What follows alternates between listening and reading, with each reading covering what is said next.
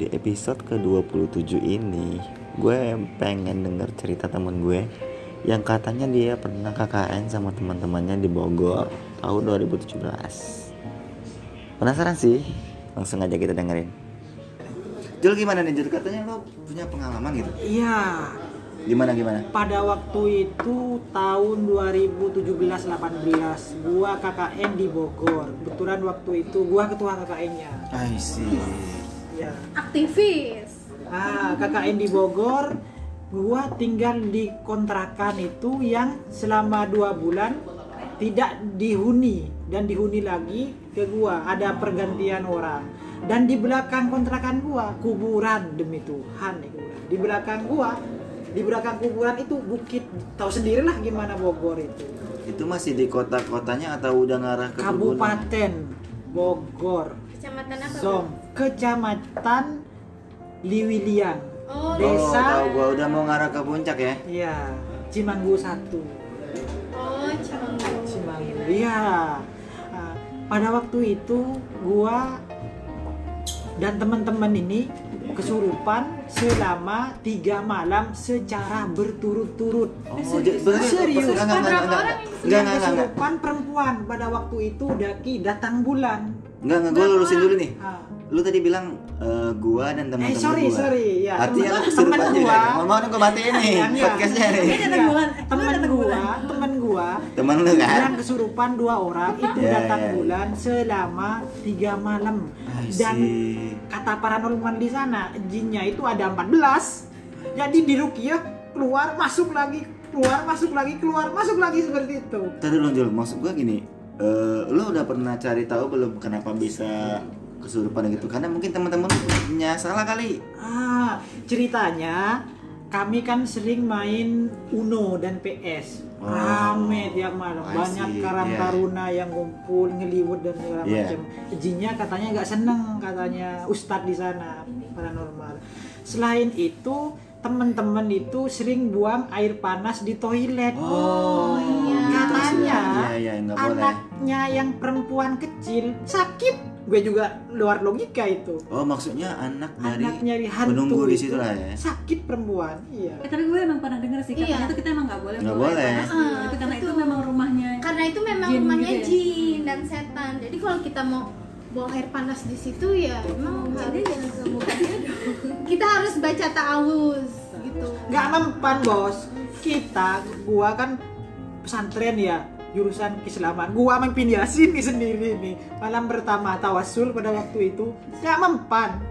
Tawasul gua tawasul Sorry, ngaji sorry, yasin. Tawasul apa tuh? Ya tawasul ngaji yasin yang ada di uh, nenek moyang di sini. Kan kita kan di desa orang itu harus Kayak semacam tahlilan izin gitu. tahlilan ke nenek moyang di situ minta di saya di sini permisi sebulan gitu ya permisi nggak nggak nggak mempan itu tetap kesurupan Terus terus terus itu kesurupan di malam keberapa tuh kan? Lu kan pada waktu itu tepatnya 17 Agustus nggak maksud gua Ma- kak lu kak lu Apa? hari ini masuk nih hari Iya. pertama lu ke malam base camp, berapa ya hari-hari terakhir KKN gua Oh, oh Minggu ketiga. nggak lagi salah awal-awal ya? perpisahan Jul. iya salam perpisahan kayaknya minggu ketiga pada waktu itu kesurupannya sore teman gua kan pingsan gara-gara kecapean dan Iya. juga gak sholat kan lagi datang bulan kan Iya. pingsan oh pingsan weh pingsan weh banyak warga kan disukain KKN kan Iya. dibopong kok pingsan kata saya habis itu saya ber saya Cewek ber- ya? cewek habis itu saya bacain kan sisa-sisa di pesantren gitu. Kulhu kulhu kayak gitu. Dipegang kakinya. Eh ternyata dia jedor-jedor kepala sentur sentur uh positif kata saya ini. Positif kena jin kan kena Oh, iya. gitu. Tapi dia teriak-teriak gitu? nggak sadar kayak linglung matanya jereng gitu kayak orang mabuk gitu. Akhirnya- habis itu saya panggil ustadz di Rukiah itu dan dia sembuh sampai jam 12 malam. Selama tiga jam- hari dari sore sampai 12 malam besoknya juga sore sampai jam 12 Kasihan malam banget besoknya. Iya kasihan orangnya lemah. Dan lu nggak badannya. ada apa sih maksud gua? Nggak ngambil tindakan gitu udah tahu temen lu udah kesurupan gitu dan lu cari tahu mungkin atau apa apa gitu. ya ustadznya emang banyak pada waktu itu tokoh masyarakat juga banyak.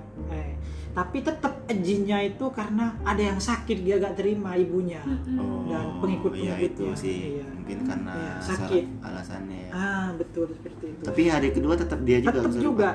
atau orang lain? Tetap juga dua orang itu. Kar- ya kes- motif kesurupannya yang kedua adalah dia kan ngambil baju ke belakang.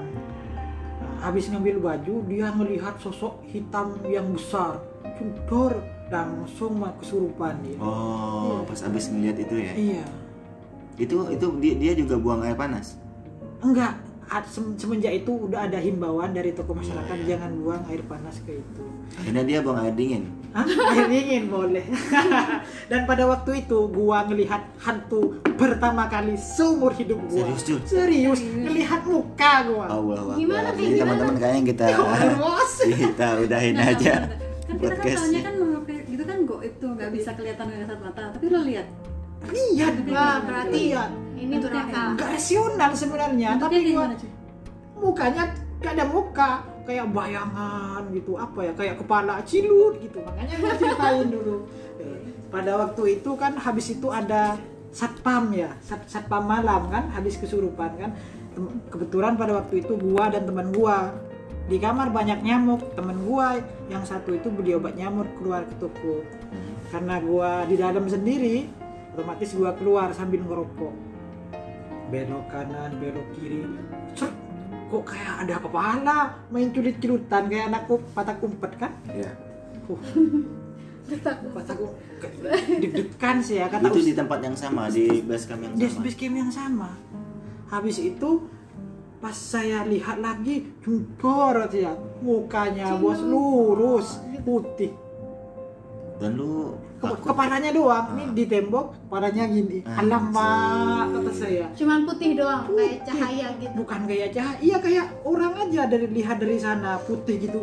Silut gitu. Ada matanya atau apanya gitu abstrak apa. abstrak. Bayangannya abstrak nggak seperti Nggak wajah seram normal. berarti. Nggak seram. Bos. Kita sendiri pada waktu itu. Seram. Tapi kan lu- cuman putih lu- doang, ibaratnya kayak bayangan gitu. kepala jelas ya gitu. Gua ngelihat kepala tapi abstrak kepalanya. Enggak kebayang. Gokil. iya. Tapi lu abis ngeliat itu takut apa? Enggak biasa aja. Karena ada himbauan dari ustadz harus sabar. Maksudnya sekalem kalem Mungkin kita harus berani kalau kita takut justru Ah, jinnya Jadi, berani eh, ke kita. apakah yang gua ingin pengen tanyain tuh maksud gua lu tahu nggak sih kalau emang sebelumnya tempat itu ada apa? Atau emang kalian tuh gimana gitu? Maksud gua kan kita kan ke tempat yang baru nih dan kita ya harus jaga sikap atau Pada waktu gimana itu- gitu.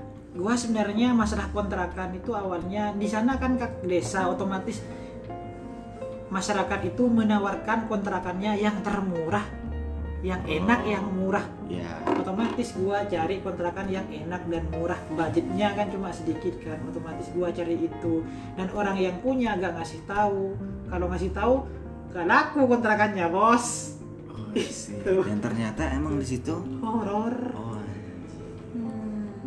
kalau ada pengalaman lain nggak Cuman gue lebih lihatnya kalau dari si sudut pandang psikologi ya karena gue Iya. belajar psikologi. Kalau tadi kita sempat ngobrolin soal kesurupan sama yang kedua lihat hantu. Kalau kesurupan itu di psikologi itu ada istilahnya namanya gangguan disosiatif. ya Nah, jadi itu lebih ke apa namanya? Kita tuh nggak bisa mengendalikan uh, panca indera kita.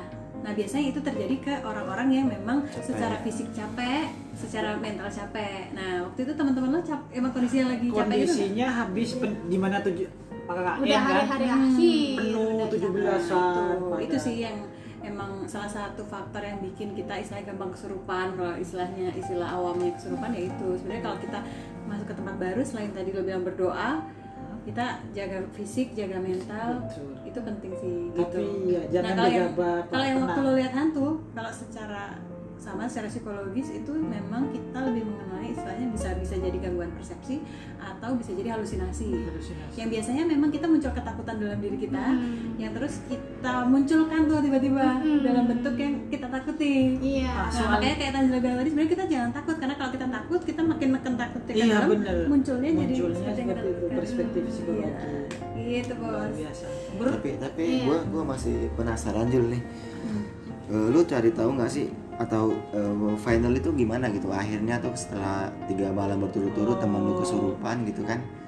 Terus lu minta maaf atau gimana Iya, sih? Apa tawas sih? tawasul lagi ngaji yasin minta Ngaji. maaf. Oh, saya iya, sama iya. teman-teman berinisiatif kan ini kan ibaratnya tetangga tetangga abstrak lah apa? Iya, iya, tetangga iya. gaib Iya. lah yang dihuni akhirnya kita atas saran evaluasi teman-teman dan saran keluarga keluarga ya keluarga yang ada di KKN di sana suruh ngaji yasin minta maaf gak rame lagi.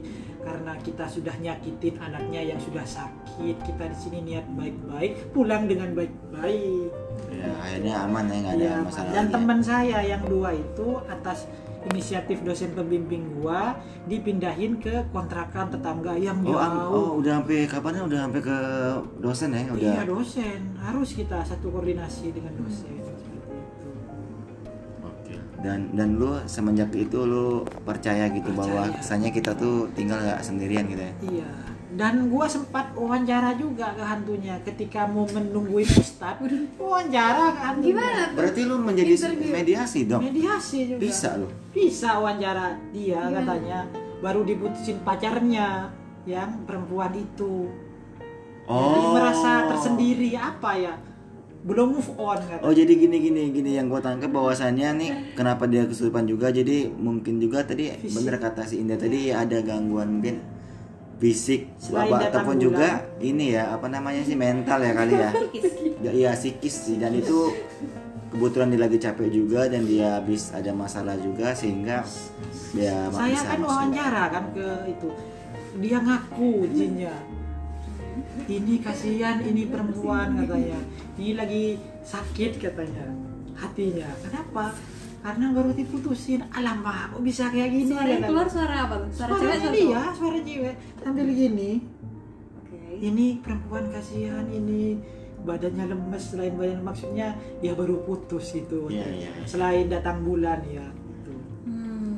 percaya nggak percaya sih ya Cuman memang sebenarnya kalau kesurupan ya itu percaya nggak percaya soalnya bisa jadi orang ada yang Berlaga, pura-pura ha-ha. kesurupan itu susah sih buat bedain asli. tapi Lu dia sendiri dia sendiri yang yang jadi medianya dia sendiri Percaya, percaya. nggak Pas palsu ya nggak pura-pura Enggak, ya? enggak pura-pura. tahunya dari mana kak tahunya dia awalnya kan tertutup kan orangnya, maksudnya ekstrovert.